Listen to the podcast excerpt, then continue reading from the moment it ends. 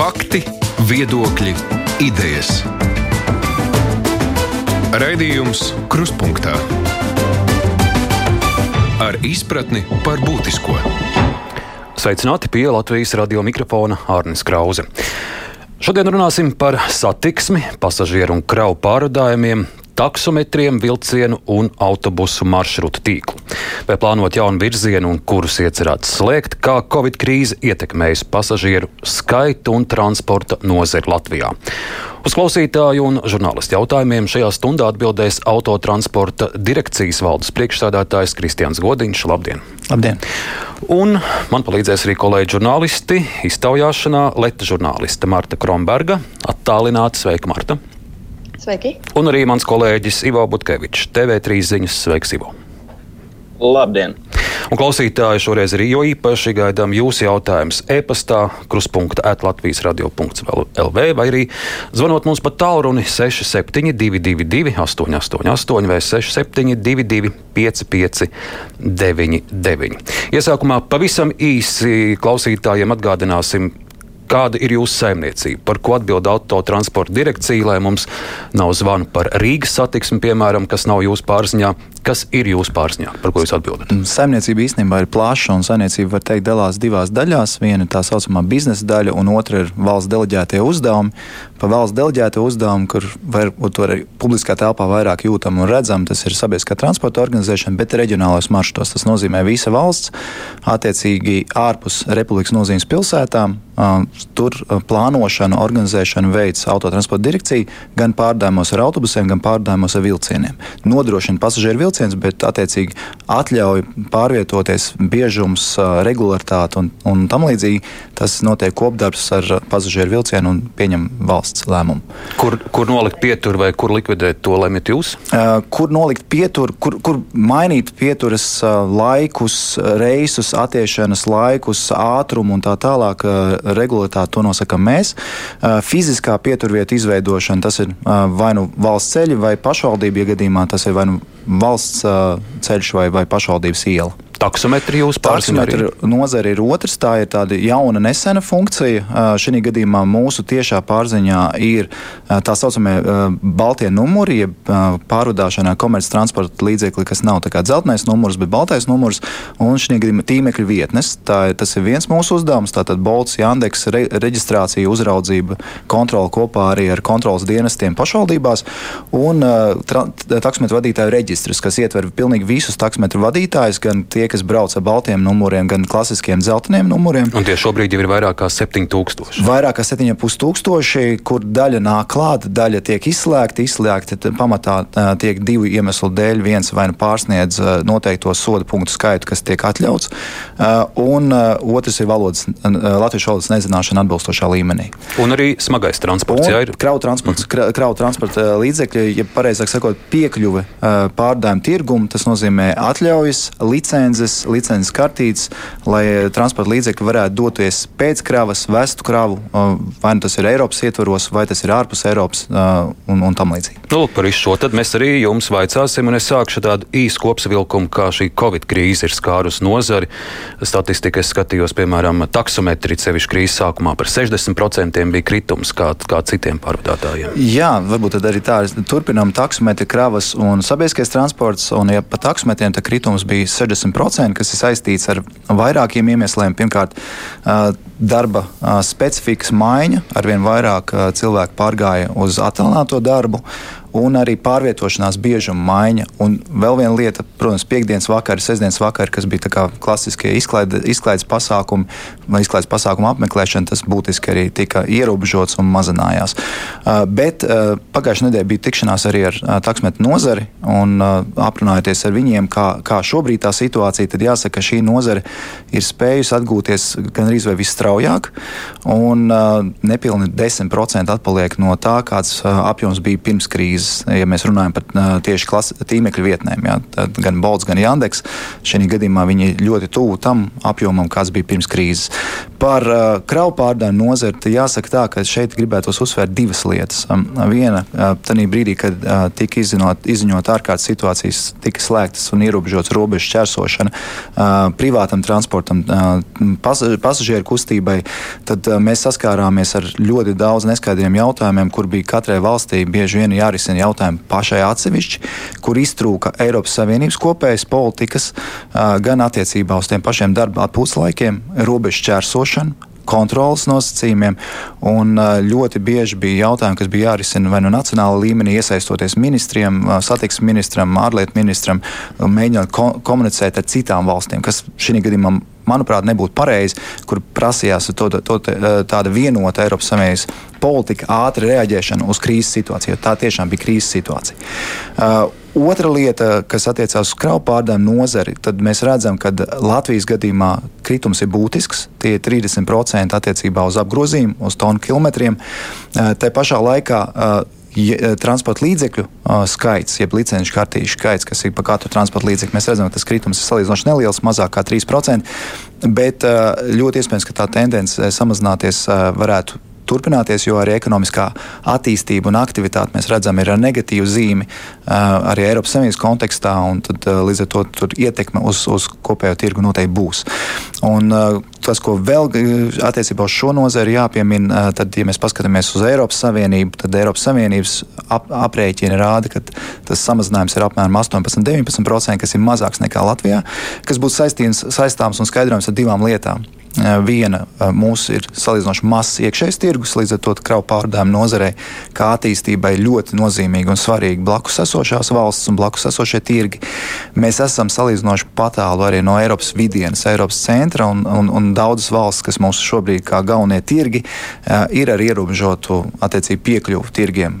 Un, un tas arī viss ietekmē. Un liels uztraukums, protams, ir sagaidāms attiecībā uz mobilitātes pakotni kas, kas stāsies spēkā, kur viena no prasībām ir reizi astoņās nedēļās atgriezt kravas transporta līdzekli, kas arī attiecīgi ietekmēs nozari. Un par sabiedrisko transportu, jā, tad sabiedriskam transportam būtiskākais kritums bija aprīļa mēnesī kur autobusos pasažieru skaits samazinājums bija pat 68% pret iepriekšējā gada aprīli. Un arī māja mēnesī vairāk kā puse no pasažieru skaita krituma. Šobrīd mēs pamazām katru mēnesi uzlabojam situāciju un pamazām rāpjamies ārā no bedres. Mums pret iepriekšējā gada līdzīgu laika periodu samazinājums ir 20-25%. Ja mēs skatāmies uz autobusu nozari, tad mēs prognozējam, ka visticamāk ja nebūs atkārtot ārkārtēja situācija vai atkārtēja ierobežojumi, tad pasažieru skaits atgriezties līdzīgā apjomā pret iepriekšējā gada mēnesi varētu visticamāk gada nogalē neātrāk. Ļoti daudz kas būs atkarīgs no tā, vai skolas atsāks darbu. Ierastā ritmā. Tas nozīmē, ka skolēni dosies uz, uz mācības iestādēm, nevis mācīsies attālināti, jo vairāk kā 20% no mūsu visiem reisiem ir pielāgoti skolu vajadzībām. Tas arī ietekmēs. Nu, lūk, tāds kopskats, daudz konkrētāk jautājumu droši vien jau būs no maniem kolēģiem. Marta, ar tevi es sākšu lūdzu. Man būtu jautājums par kravu pārvadātājiem. Kā ir ar austrumu virzienu? Jo, cik saprotu no asociācijas, tieši vakar runāja, ka viņiem ir grūtības uz robežām dažbrīd. Kāda ir situācija no jūsu skatu punkta? Jā, kat, īstenībā ir tas, kas, ar ko mēs saskārāmies um, ārkārtējas situācijas sākumā, ka katra valsts izdomāja savu politiku vai pieeju uh, gan robežu čērsošanai, gan kontrolē, gan uzraudzībai. Uh, ir valsts, kas ir ārpus Eiropas Savienības uh, valstīm, šo pieeju arī turpina, ik pa laikam uzliekot kaut kādus savus nosacījumus, piemēram, kaut vai 14 dienu dīkstāvi transporta līdzekļu vadītājiem, kas citās valstīs nav. Ja. Attiecībā uz Krieviju, um, kas ir liels tirgus joprojām, lai arī pēdējos gados arvien vairāk uzņēmēji pārstruktūrizē savu darbību un pamazām procentuāli maina tos, uh, to apjomu no Krievijas uz Eiropas tirgu, tad uh, šeit mēs redzam 12% kritumu, kas ir ļoti, ļoti nozīmīgs un būtisks. Un arī Kazahstāna, uh, kur parasti ir tā, ka mums trūkst atļauju un pieprasa šīs atļaujas, tad šobrīd mēs redzam, ka arī šeit apjoms ir samazinājies. Līdzīgi arī Baltkrievija, kas ir trīs būtiskākie austrumu tirgi ārpus, ārpus Eiropas Savienības tirgiem. Un vienīgi Ukrainā ir neliels pieaugums, bet Ukraina salīdzinoši attiecīgi ir mazāks, mazāks, mazāk interesants tirgus kā manis minētie. Katrai, valsti, katrai valstī ir sava pieeja, kādā veidā notiek arī šī kontrola un uzraudzība uz robežām. Un, tā ir tā specifika, kas, ar ko nākas saskarties. Bet arī jāņem vērā ekonomikas attīstību un ekonomikas attīstības tempu bremzēšanos un, uh, un arī pieprasījums pēc precēm, preču sortimenta maiņa. Uh, tas viss ietekmē arī pārvadātājus. Ir arī pārvadātāji, kas bija ļoti specializējušies pieņemsim transporta līdzekļu, vieglo transporta līdzekļu uh, vešanā, kuriem, kurus ļoti ietekmēja Covid laiks gan Eiropas tirgus kontekstā, gan arī vedot preces tālāk. Ivo, tev vārds. Jā, šķiet, viens no augstākajiem uh, dienas kārtības jautājumiem direkcijai varētu būt šis uh, patiesi milzīgais iepirkums attiecībā uz uh, reģionālajiem pārvadājumiem ar autobusiem.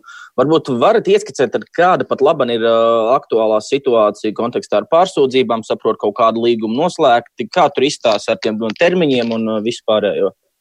Tā situācija ir sekojoša. Mēs esam attiecīgi noslēguši līgumu piecās daļās no 16, kur nebija pārsūdzība. Tā, tie ir apmēram 34% no kopējā tirgus apjoma, un atbilstoši noslēgtiem līgumiem jaunie pakalpojumu līgumi jāsāk izpildīt ar nākamā gada 1. augustu. Tas nozīmē, ka ne vēlāk kā 1. jūlijā visiem pārvadātājiem būs attiecīgi jāuzrāda mums fiziski viss autobusu parks, aprīkojums, nosacījumi, kas tika prasīti un nosacījumi, eh, piedāvājumi, kas tika solīti. Un, ja kaut kas no tā, kas tika solīts, nebūs izpildīts, šiem uzņēmumiem uzsākt uh, pakalpojumu sniegšanu netiks doti atļauja. Uh, otrs, uh, mēs esam izsludinājuši konkursu šīm četrām daļām, kur minējām, kur nav uzvarētāji pēc mūsu vērtēšanas procesa. Attiecīgi šeit ies, iesniegumus mēs plānojam sa saņemt uh, 17. augustā uzsākta iesnieguma vērtēšana, bet uh, līguma slēgšana uh, nebūs ātrāk, uh, kā sagaidot iepirkuma uzraudzības biroja lēmumu. Jo šīs četras daļas bija starp tām daļām, kur bija pārsūdzības. Uh, iepirkuma uzraudzības birojas sola savu lēmumu paziņot septembra otrā pusē. Uh, līdz septembra otrajai pusē, kas arī savā ziņā ir tāds neierasta prakse uh, Latvijā, kur uh, iepirkuma izraudzības birojas izmanto visus četrus mēnešus uh, sūdzību izvērtēšanai. Tas tāds salīdzinoši ļoti ilgs laiks, uh, parasti notiek ātrāk. Līdz ar to mēs visās šajās daļās, kur ir bijušas pārsūdzības, uh, līgumus neslēdzam gaidām, kāds ir iepirkuma uzraudzības biroja lēmums. Ja attiecīgi sūdzības tiek noraidīts un atzīts mūsu lēmums par pamatotu, tad attiecīgi mēs uzsākam līgumu slēgšanu, kas nozīmē arī fiziski pārbīdās um, jauno pakalpojumu līgumu uzsākšanas datums. Ivo, es tev pavisam īsi lūgtu tādu nelielu kontekstu arī mūsu klausītājiem un skatītājiem iedot, jo varbūt ne visi šam, šim iepirkumam ir sekojoši. Tas skandāls diezgan liels, tur vairāki līdz šim lieli spēlētāji, pārvadātāji ir, ir konkursā palikušais borta. Pavisam īsi ieskicē, par ko ir runa, lai visiem skaidrs. Uh, ņemot vērā, ka caur šo iepirkumu tiešām iziet uh, ļoti liela nauda, un tas termiņš, kurā darbosies konkrētai komersanti, ir ilgs, Uh, ir tiešām, protams, jautājumi, un tā ir politiskajā diskusijā, kas sākās bija konkrēti ar uh, Aleksandra Brandava bijušo uzņēmumu, un šī diskusija sākās par to, ņemot, ņemot vērā, kāda ir konkrētā komersanta reputācija, cik uh, pamatot vai nepamatot ir uzticēt viņam šādu pakalpojumu un tik liels valsts līdzekļus. Bet īstenībā es gribēju pajautāt godīgi kungam vēl vienu jautājumu saistībā ar Jūs atnācāt uz autotransporta direkciju tad, kad jau uh, bija noslēgti tie pašreizējie līgumi, kuri atbilstoši kuriem tika veikti šie pārvadājumi. Kad jūs raugāties uz lielu daļu no šiem komersantiem un tām personām vai ģimenēm, kas stāvēs šiem komer, uh, komersantiem, jo tie ir uzvārdi ar ļoti lielu politisku ietekmi. Nu, Ivo, sauc, sauc, sauc tos uzvārdus arī pats. Sauksim, sauksim, Brandavs, Šķēleš, Lesers, Savickis. Kad jūs to visu redzat, ko tas jums pasaka par to, kā vēsturiski šī nozare ir attīstījusies Latvijā?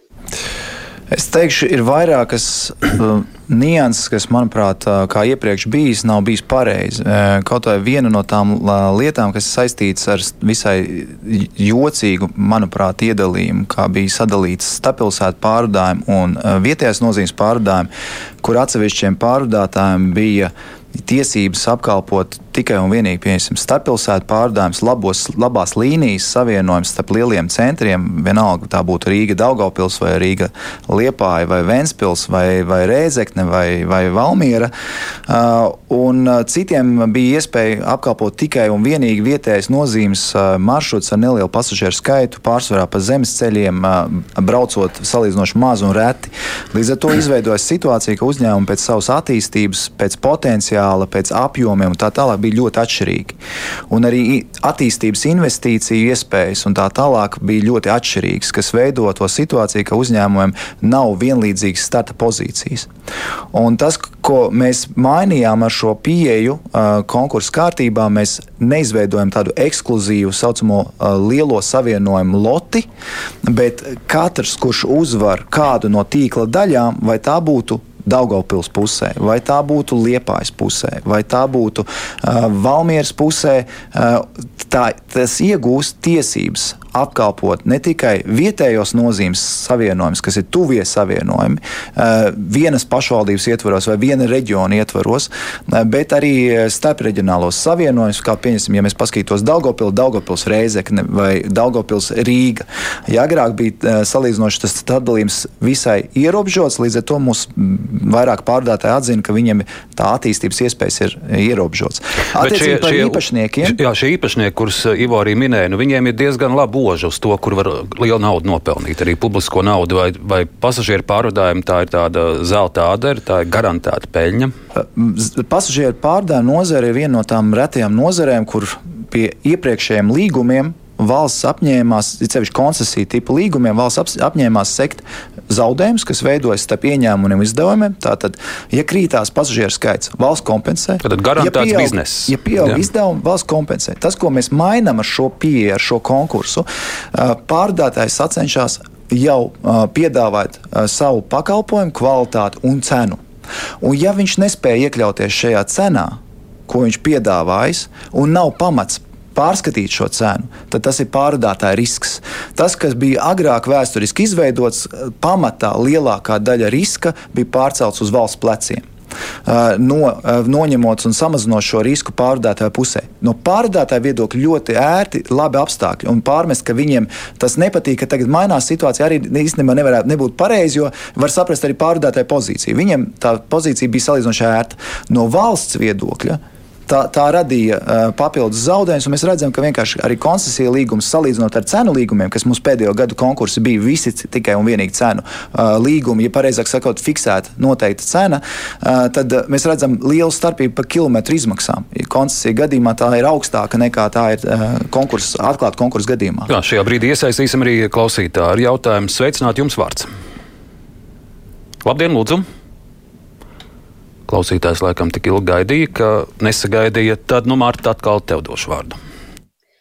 Es gribētu precizējošu jautājumu, vienkāršāk par šo konkursu. Ja nākamā gada 1. jūlijā tātad kāds no tiem, ar ko jau ir noslēgts līgums, nespēja uzrādīt pilnu autobusu parku, kas notiek? Vai turpina tie, kas tagad sniedz pakalpojumu, vai kāda ir rīcība? Sekojuša situācija. Mēs nedrīkstam atstāt uh, pasažierus bez pakalpojumu. Cilvēkam mazāk interesē, vai tas pārdotājs, kas brauc, pieder vienam vai otram, vai tas ir pašvaldības uzņēmums vai privātā uzņēmums. Viņam interesē, lai tas pakalpojums būtu un būtu kvalitīvs. Un, uh, līdz ar to, uh, kamēr tiek izvēlēts cits pretendents, jo ne visās daļās mums ir pieņemsim divi vai trīs pretendenti, ja, uh, tad brīdī līgumu turpina apkalpot esošais vai arī mēs eh, veicam sarunu procedūru, izvēlamies kādu, kurš piedāvā vai nu labāku, izdevīgāku cenu vai nosacījumus. Eh, un sludinām no jauna konkursu konkrētajā daļā. Tas, kas ir, lai būtu pilnīgs skaits visiem arī pretendentiem, tiks pārbaudīts pilnīgi viss, kas tika solīts. Līdz ar to iespēja kaut ko neizpildīt nepastāv. Vienkārši uzņēmums jau bija solījis, ka būs elektroautobusi, noteikts skaits, būs attiecīga vecuma autobusi, būs pieejamība uh, personām ar funkcionālām traucējumiem, tas būs jāizpild. Nu, tagad klausītājs cer mūs dzird. Labdien, lūdzu, jums vārds. Labdien! Lūdzu! Es Ivars no Balsas gribu uzdot jautājumu viņa kungam. Jautājums būtu tāds, ar mazu retoriku, ka es jau sportiski interesi sekoju par, ar sakarā ar to, kad valsts līnijā ienāca savā laikā BB bus, kur vadīja pilsonis Brandovs un kompānija ar diviem autobusiem, tad sākās epopeja, ka ziemā tur veida vāns. Viņi zina, kādiem autobusiem, kuri saule, un es jūtu, ka viss atkal atkārtosies. Jo, jo, jo jēdzības tur nekādas nav. Tas konkurss, visas es runāju ar vienu otru pārvadātāju, nu, tas ir blēps vistīrākais.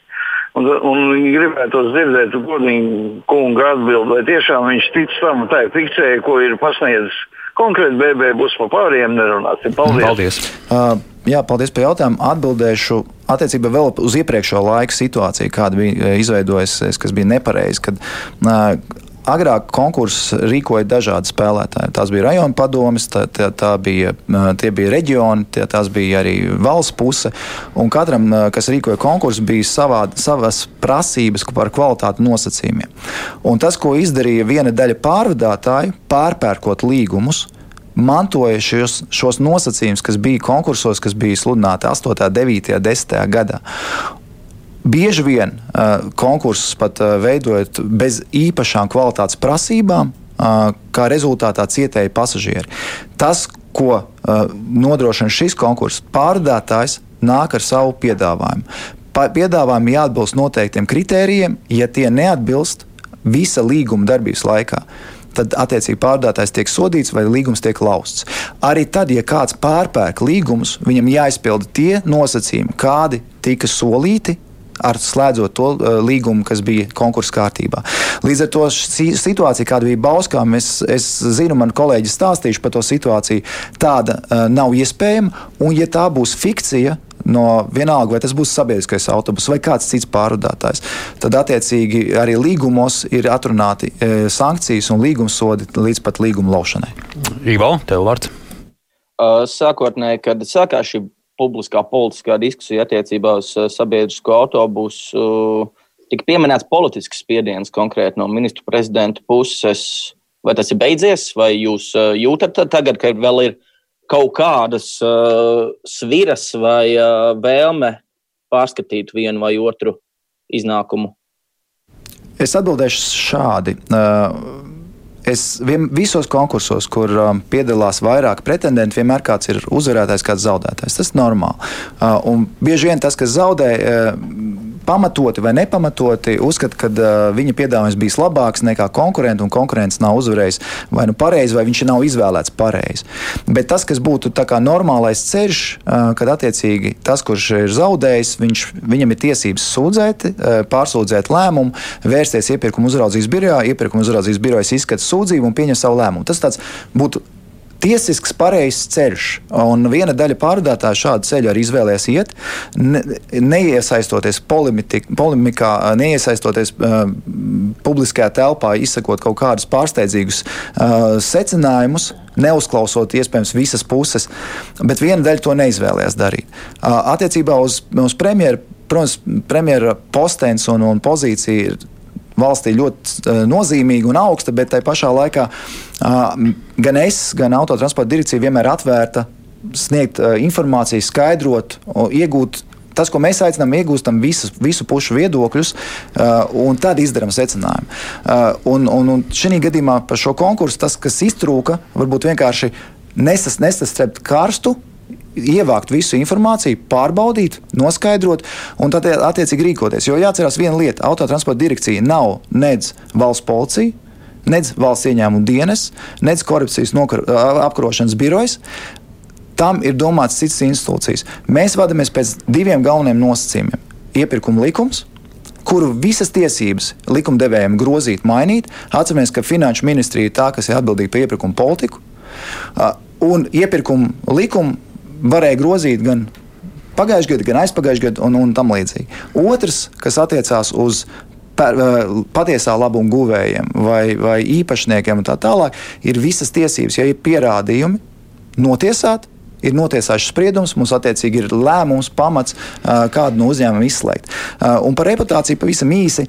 Tas, kas tiek skatīts, tiek skatīts vai patiesā labuma guvējs ir iekļauts Eiropas Savienības vai NATO attiecīgos sarakstos un ir izslēdzams. Otrs par nodokļu parādu vai pretendentam ir nodokļu parāds. Ja mēs skatītos visu grupu, ja iepirkuma likums paredzētu visu grupu skatīties, ja, ja uzņēmumam īpašniekam pieder vairāk uzņēmumu, tad mēs skatītos visu spektru un, protams, izslēgtu, bet šobrīd iepirkuma likums neparedz tādu variantu. Tā kā šie visi aspekti tiek vērtēti un skatīti. Tātad atkal klausītājs lūdzu jūsu jautājums. Jā, labdien! Man ir divi jautājumi godīgam kungam. Abi ir par taksometru biznesu. E, pirmais jautājums ir, mm, autotransporta e, direkcija izsniedz taksometru vadītāju šīs kartītes, kur šoferim nav jāzina valsts valoda B1 līmenī, bet tur tikai jāliek ir ķeksīts. Un automātiski šoferis saņem šo, šo e, taksometru vadītāju kartīti. Vai tas ir korekti? Tas bija pirmais jautājums. Un otrais jautājums ir, mm, kā godīgi mums teica, autotransporta direkcija ir piešķīrusi tīmekļa vietnēm, tādām kā Bolt un Jandeks, tās kopējās licences. Bet es domāju, ka ne autotransporta direkcijai, ne ieņēmuma dienestam nav noslēpums, ka daudz uzņēmumu, apmēram 90%, kas strādā Rīgā, zem šīm aplikācijām, tīmekļa vietnēm, uh, pēc apmēram trīs mēnešiem nomaina juridisko uzņēmumu. Un tas ir tikai, tikai tādēļ, ka uh, nav iespējams uh, nodrošināt, uh, nav iespējams uh, nodrošināt normālu izpildu, vai ir korekti, kad ir uh, šiem te, kā Baltam un Janēsam tiek piešķirtas šīs licences, kuru minimālais tarifs nevar nodrošināt normālu uzņēmēju. Paldies! Nu, šis jautājums par taksometriem mēs piefiksējam, mm -hmm. lai klausītājiem nav ilgi jāgaida. Uzreiz arī otrs jautājums. Lūdzu! Halo. Lūdzu, lūdzu. Klausies man, jā, es uzdošu. Uh, sakiet, lūdzu, kad reiz beigsies Latvijā tā mafija? Šitie te visi šķēles, klesteps un visi šie pārējie mafiozi, mums jau riebs jau parasti Paldies, kundze. Nu, tas laikam ir knabam jautājums vairāk. Tas, bet jā. ķeramies pie taksometriem. Par taksometriem. Paldies par jautājumiem. Atbildēšu uzreiz uz abiem diviem par valsts valodu. Tas, kas ir katram, kurš vēlas reģistrēties par taksometru vadītāju, viņam jāizpild noteikti nosacījumi. Tā skaitā jāapliecina latviešu valodas zināšanas B1 līmenī. Tas, ko mēs darām klātienē, apkalpojot, protams, to pārbaudām un, un salīdzinoši daudziem ir atteikts, bet otra lieta, ņemot vērā situāciju, ka mēs nācām pretī, devām iespēju arī pieteikties attālināt, ja e-pakalpojumos, tad viena daļa negodprātīgi izmantoja šo iespēju. Ar, ar augusta vidu prasība tiek pastiprināta, un attiecīgi visiem, kas vēlēsies iegūt taksimeta vadītāja apliecību, būs jāpierāda latviešu valodas zināšana atbilstošā kategorijas līmenī. Tā kā šī, šī kontrola, pastiprinātā kontrola tiks veikta, un tas, ko es gribētu aicināt pie reizes, noteikti aicinu informēt mūs, ja jums pakalpojums sniedz taksometru vadītājs, kurš nesaprot ko viņam vēlas pasažieris teikt, attiecīgi uz kurien vest un, un attiecīgi informēt mūs. Mēs iesaistām valsts valodas centru un, un arī veicam pārbaudas par konkrēto taksmetu vadītāju. Par Boltu un Jandeksu. Viens par tīmekļa vietnēm. Tīmekļa vietnes atbilstību nosacījumiem mēs pārbaudām. Jāatcerieties, tad arī par Jandeksu mēs atteicām reģistrāciju, ņemot vērā nu, nu, noteiktus nosacījumus, kas netika izpildīti. Ar katru, pār, ar katru tīmekļa vietni bija sarunas un iesaistot arī kontrolas dienestus par to, lai iesaistītie taksometri vai baltie numuri būtu tikai tie, kas ir ar licenci, licenci kārtītu un taksometru vadītāju reģistru. Sākumā grēkoja, īpaši bolts. Tas, kas tika prasīts, tika prasīts automatizēts šīs sistēmas. Mēs nodrošinām arī integrāciju ar savām datubāzēm, aicinājām arī, arī izmantot CSDD datubāzes, lai šāda situācija būtu pēc iespējas novērsta. Par par tarifu. Uh, jā, šī ir uh, situācija, kas mums ir dienas kārtībā. Mēs uh, kopā ar klasisko taksometru nozari, ar tīmekļa vietnēm, ar vidu, ar kontrolas dienestiem strādājam pie piedāvājuma, ar kuru iepazīstināsim arī satiksmes ministru, kas būtu pārskatāms, maināms nozarē. Jo nozarē ir virkni normatīvi akti, kas ir mainījušies, kas pēc, pēc papīra burta ir jau lielāka kārtība, bet darba, darba vēl ir pietiekami daudz ko darīt. Es turpināšu ar dažiem klausītāju jautājumiem. E-pastā Santa vaicā jautājums par liepājas. Uh, Par šo autobusu konkursu Liepājas autobusu parks uzvarējis vairākās lotēs, un tas iespējams tikai un vienīgi uz algu rēķina. Tagad autobusu šoferiem ir samazināts algas no 20. jūlija, samazinājums apmēram 100 eiro mēnesī. Un otrs jautājums par autobusu kvalitāti, kādi brauc maršrutos, piemēram, Liepāja grobiņa, tur kursējot autobusus, kuriem pat nav kondicionieru un kuri apsot bijuši norakstīti. Uh, jā, saliksim to, to, to jautājumu divās daļās. Viens ir esošā situācija, un otrs ir konkurss. Jo konkursā pretendenti startē ar savu piedāvājumu, kas būtiski atšķirās no tās situācijas, kāda ir šobrīd. Ja mēs paskatāmies kaut kādā autobusu parka vecums, šobrīd ir 10,8 gadi vidēji.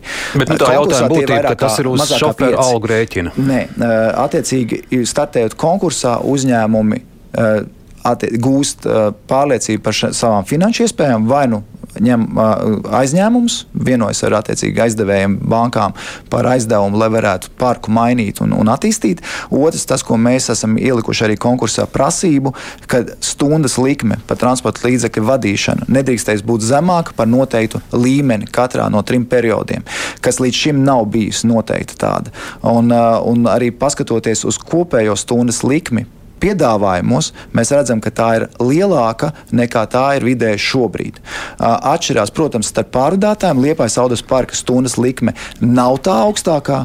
Tā ir aptuveni vidējā likme salīdzinot ar visiem pārdotājiem. Mums ir pārdotājiem, kur tās likmes ir augstākas. Un uh, tā pašā laikā piedāvājumos Liepais Audas parka uh, stundas likme šoferiem uh, ir, ir šī vidējā līmenī. Jums ir tādi dati, jūs redzat, kurš pārdotājs teiksim, vislielāko algu saviem šoferīšiem maksā? Redzam, bet nevaram teikt šobrīd. Arī kurš vismazāko nevar redzam teikt? arī to. Mums ir redzams stundas likmes, cik, gan cik stundas strādā šoferi. Tas, kas, ko mēs redzam arī esošā situācija ar daudziem daudziem līgumiem, sadrumstalotiem līgumiem, eh, bieži vien nenodrošina pienācīgu stundu skaitu šoferiem. Kā rezultātā kopējā alga sanāk eh, šoferim zema.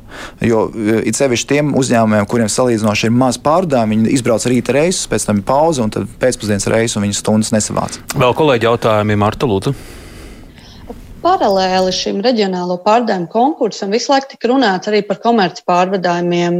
Kad tie varētu reāli sākt tikt nodrošināti. Plāns ar nākamo gadu. Plāns ar nākamo gadu mēs šo, šobrīd strādājam pie normatīvā regulējuma. Uh, ir uh, sabiedriskā transporta pakalpojumu likums uh, otrajā lasījumā. Attiecīgi tur ir paredzēts, ka šāda iespēja pastāv, jo līdz šim Latvijā komerc pārdājums regulētajā tirgu nepastāvēja. Un, uh, šis ir, Latvija arī līdz šobrīd ir tā vienīgā valsts Eiropā, kur uh, komerc pārdājumi vispār kā tādi nav un nav pieļauti. Uh, bet tas mainīsies un nākamajā gadā uh, paredzēts, ka vairākās līnijās viena ir tālā līnija Rīga Daugopils un tuvās līnijas, kā pieņemsim Jūrmals Rīgas savienojums, Siguldas Rīgas savienojums, Ogres uh, savienojums, Jelgavas Rīgas savienojums, tie būs uh, tiks izpildīti uz komerc pārdājumu principiem. Ivo?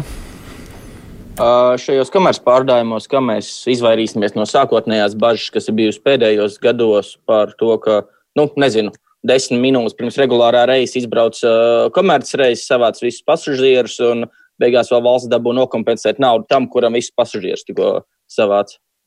Valsts pārdājums tajās daļās, kur būs komercpārdājumi, netiks pasūtīts. Tātad savienojums Rīga-Jēlgava no valsts puses tiks pasūtīts tikai un vienīgi ar vilcienu. Un savienojums ar autobusu tik, var tikt izpildīts tikai uz komercprincipiem. Klausītāji jautājums par tālruni. Labdien, lūdzu! Labdien, tas zvanoja Jārs Rubenis. Man uh, ir, uh, es nezinu, vai īsti pēc adresāta, bet man ir tomēr viens jautājums par Rīgas lidostu un taksometriem. Tur nekas nav mainījies. Tur ir vesela mafija, kas sagaida iedzīvotājus un lid, ielidotājus. Un diezgan rupīgi krievu valodā m, mm, tos iedzīvotājus raujais roka. Rindas nav sadalītas, zaļie taksometri stāv kopā ar baltajiem. Man pat bija gadījums, ka es mēģināju apiet balto taksometru, kas ļoti rupji man rāva iekšā taksometrā, lai es tiktu zaļajā. Es nezinu, vai tā ir satiksmes ministrijas vai Rīgas satiksmes vai lidostas jautājums. Bet tā situācija ir, manuprāt, traģiska. Varbūt to kaut kā varētu atrisināt šo jautājumu laika gaitā. Paldies! Paldies, Ojārs! No Lūkojārs Rubens mums ziņo, ka Bardaks lidostā turpinās ar takšiem. Jā, īsa replika teikšu tā, ka te ir iesaistīts puses daudz. Ja, tā, tā nav tieši autotransporta direkcijas kompetence, bet pārunājot ar taksometru nozari, e, šis ir jautājums, kas arī tiek skatīts un būs piedāvājums. Tas, ko es vēlos uzsvērt, e, pasažieriem ir visas tiesības izvēlēties pakalpojumu sniedzēju pēc savas vēlmes. Nav obligāti jāizvēlās viens vai otrs rindas kārtībā un, un, un tam līdzīgi. Tā kā ja kādu, kādu rauj iekšā un, un saka, reku sēdies ar vedīšu, nē. Otra lieta noteikti skatāties uz to, kādi tarifi ir norādīti uz taksometru durvīm. Un trešais, ja ir kaut kādi pārkāpumi, noteikti ziņojiet. Rīgas reģions ir tas, kurš organizē licenču izsniegšanu pārdājumos, un arī lidostāji ir speciālā licence, speciāla nosacījuma, lai varētu darboties licences teritorijā. Kolēģi, vēl ir kādi īsi jautājumi jums, Marta? Ivo rāda, ka viņam ir īsts jautājums. Uh, jā, uh, varbūt vienīgi var izteikt. Mēs daudz un uh, plaši izrunājām par uh, autobusiem. Uh, uh, nedaudz jocīgi ar jūsu nosaukumu, bet pārziņā ir ar vilcienu satiksmi. Varbūt var ieskicēt kādu jaunumu tur gaidām, jo zinām, ka nu, daudz cik runās par to, kā nu, savienojuma sabiedriskā transporta mugurkauls tas mums būs. Virzieni daudz un, un iestrādes daudz. Tas, kas ir tuvākais, ir izsludināts un attiecīgi noslēdzies elektrovielcienu iepirkums. Šobrīd notiek fiziski elektrovielcienu būvēšana un paredzēts, ka ar 22. gada otru pusi pirmie elektrovielcieni parādīsies uz līnijām primāri liekot uz tām līnijām, kur ir lielāks pasažieru skaits, nodrošināt arī lielāku kustības intensitāti. Savienojums, piemēram, Jēlgava Rīga būtu pīķis stundās reizes 15 minūtēs. Otra lieta ir pasažieru vilciens izsludinājis dīzeļvilcienu iepirkumu, ņemot vērā to, kāds ir šobrīd ritošais sastāvs un, un, un dīzeļvilciena ritošais sastāvs, ir ļoti vājš un novecojis. Un, uh, cevišķi tie vilcieni, kas ir zvezdas dzinēji, uh, dzinējiem, uh, tos vairs nevar vairāk, arī remontēt. Nevar remontēt, Jā. nevar iegūt re rezerves daļas. Līdz ar to veidojas liels risks. Ka mēs nevis, nevarēsim palielināt dīzeļvilcienu intensitātes un apjomus, bet pat būsim spiesti samazināt, ņemot vērā, ka tas rītošais sastāvs uh, ir novecojis un lūst. Un pavisam īsi šobrīd arī ir uzsākts uh, projektēšanas darbi plānoti un, uh, un darbi pie infrastruktūras uzlabošanas, peronu uz, izbūves, jo nav jēgas arī no elektrovielcieniem, jauniem elektrovielcieniem, ja infrastruktūra ir tādā līmenī, kādā ir šobrīd. Un vēl mums ir virkne klausītāju jautājumu e-pastā, īsi jautājums, lūk, šīs atbildes. Uh, Olafs vaicā, kad tiks ieviestas elektroniskās biļetes, lai izskaustu iespēju blēdīties par nenotikušiem invalīdu braucieniem, runāts par to tiek gadiem, risinājumu nav. Eh, risinājums ir, eh, ir eh, šobrīd risinājums tiek izstrādāts, un ar nākamo gadu būs jau pārējais periods, kur darbosies pagaidām abi divi varianti. Viens ir esošā situācija, un otrs ir jaunais variants, kad validēties vajadzēs ar EID karti, apliecinot šo statusu, un, un visi dati par personām, kas ir tiesīgas saņemt valsts atvieglojumus, atrodas jau šobrīd autotransporta direkcijas izstrādātajā datubāzē. Mēs Klaus... šobrīd strādājam pie šī tehniskā risinājuma, lai validācija notiktu balstoties uz tiem datiem, kas ir mūsu datubāzē. Klausītājiem jautājums par Kaibals pieturu maršrutā Daugavpils Rīgā. Viņš raksta, ka visu dienu neizdevās nokļūt būt Rīgā, jo bijusi tikai bankas karte.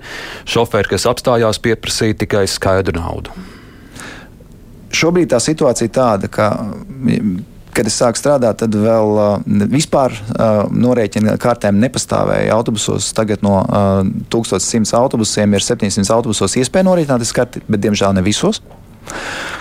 Jaunajā konkursā tā ir obligāta prasība. Katrā autobusā nodrošināt iespēju norēķināties karti. Un tas ir pilnīgi normāli, ka mūsdienās cilvēkam nav līdzi skaidra nauda un viņš vēlās norēķināties karti. Diemžēl šobrīd vēl joprojām aicinājums tomēr ņemt līdzi arī skaidru naudu, jo ne visi pārvadātāji nodrošina iespēju maksāt ar karti. Un Eduardam arī jautājums, kāda ir pārvadājuma attīstība pierīgā, vai iedzīvotāji ārpus Rīgas var cerēt uz savietotu sabiedrisko transportu ar pilsētu, lai ar vienu mēnešu biļeti vai laika biļeti varētu pārvietoties plašākā teritorijā. Te ir atbildes divas. Viena mums šobrīd notiek sarunas ar Rīgas satiksmi, ka viena daļa reģionālo, tuvo reģionālo pārdājumu, kas ir tieši saistīta ar Rīgu un Pierīgu, varētu viena daļa pāriet Rīgas satiksmes atbildībā, nedublējot maršrutus un nesūtot autobusus vienlaicīgi pa Rīgu. Otrs, autotransporta direkcija ir izsludinājusi iepirkumu vienotas biļešu noliktavas izstrādē, kas paredz, ka mums ar 20 2021. gada otru pusi būs uh, pilnīgi jauna tipa biļešu iegādes iespējas. Būs iespējas iegādāties vienoto biļeti kombinācijā ar autobusu, autobusu, autobusu vilciens, kā arī mēs esam atvērti sarunām ar lielajām pilsētām ka tā būtu vienota biļete, reģionālais transports un pilsētas transports. Un vēl arī Andrim ir vērojams maršruts Alūksne, Balva Reizekne. Bieži no Reizeknes uz Alūksni brauc 3-4 pasažieri, bet autobusā ir 44 vietas. Nesaprotu šos datus, jo jūs arī redzat. Mēs tos redzam perfekti pieturām, un jāsaka tā, ka autobusu parks viena daļa, kas tika vēsturiski iegādāta, bija balstīta uz to situāciju, kāda bija tajā laikā. Tas, kas ir jaunajā konkursā, un mēs redzam pēc piedāvājuma ļoti daudz ir mazās ietilpības autobusu. Lielas paldies par atbildēm! Atbildēm uz šiem jautājumiem. Paldies arī par jautājumiem kolēģiem žurnālistiem Marta Kronberga aģentūra Leta un Ivo Butkevičs TV3 ziņas. Paldies. Un teikšu paldies arī autotransporta direkcijas valdes priekšsēdētājam Kristiānam Godaņam. Klausītāji, tūlīt brīvais mikrofons.